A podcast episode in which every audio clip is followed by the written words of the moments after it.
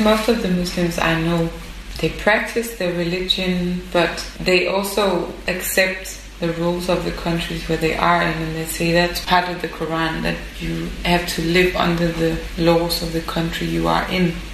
What I think is a shame is we often hear the very radical voices and we don't hear what's in between.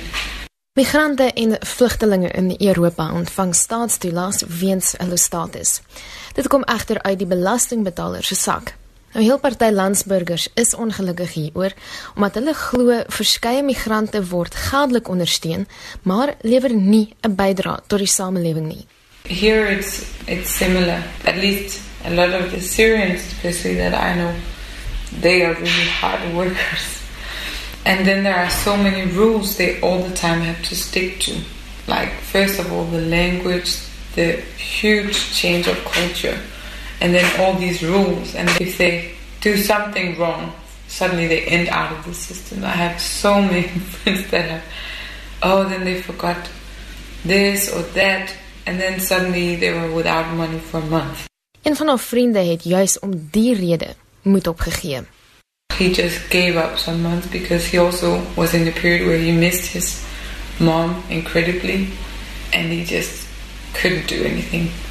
This guy is really good at Danish, he speaks it fluently. He just, all the things he had to think about constantly with different papers and systems, and so he just gave up and he lived with nothing, zero money for three months. Then there was a Ramadan, he said that was lucky. He didn't have to eat so much anyway. Sy sê dit gaan nie oor die geld wat vlugtelinge van die staat ontvang nie. Volgens haar is daar 'n gebrek aan leiding en ondersteuning vir hulle daaglikse bestaan. En verder word mense met agterdog in die samelewing beheen. Often what I hear is a lot of people are met with doubts and hmm, suspicions and why didn't you do this? Why why weren't you in school today? And a lot of them are really traumatized, deeply, deeply, deeply traumatized. And perhaps are not able to do the job they are sent out to do. In Denemarke is vlugtelinge verplig om taal by taalsentrums aan te leer. Dit word in die oggend aangebied en terselfdertyd moet hulle ook probeer om 'n werk te kry.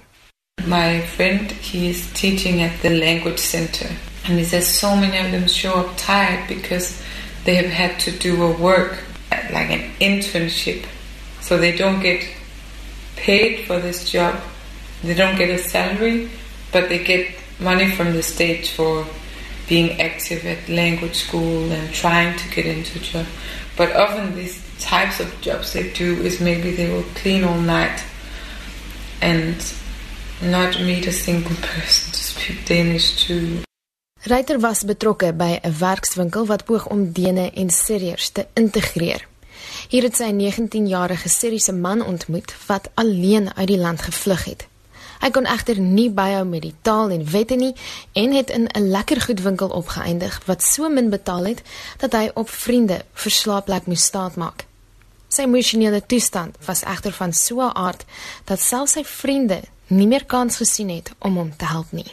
I met up with some of my Syrian friends that know this guy and I asked why isn't he coming tonight and oh we don't talk to him anymore. He's depressed all the time. He's very negative, all these things.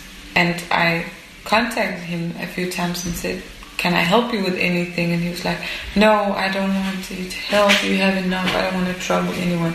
So he's very like being so polite and he didn't want any help. Tot dusver het hy nog nie die groener weivelde gevind waarvoor hy gesoek het nie. En hoewel daar heel party suksesverhale is, is daar verhale soos die een wat ontaard in 'n bose kringloop. I asked some of these previous friends if they knew about him, and, and they said, Yeah, he started to drink. He's not a real Muslim anymore. He's also trying doing drugs. So it was really a different guy than the guy I met at, like a year before. He was insecure, he couldn't speak Danish, he lost his girlfriend in Syria, um, his whole family left behind and he just wanted to do it right here. And then to this point where he just didn't have any network in Denmark and he didn't want to accept any help and just completely isolated. Dit was Marie Reiter, 'n Deense vrou wat as vrywilliger betrokke is by werkswinkels vir vlugtelinge in Kopenhagen. Ek is Marlene Forsie vir SAK nuus in Denemarke.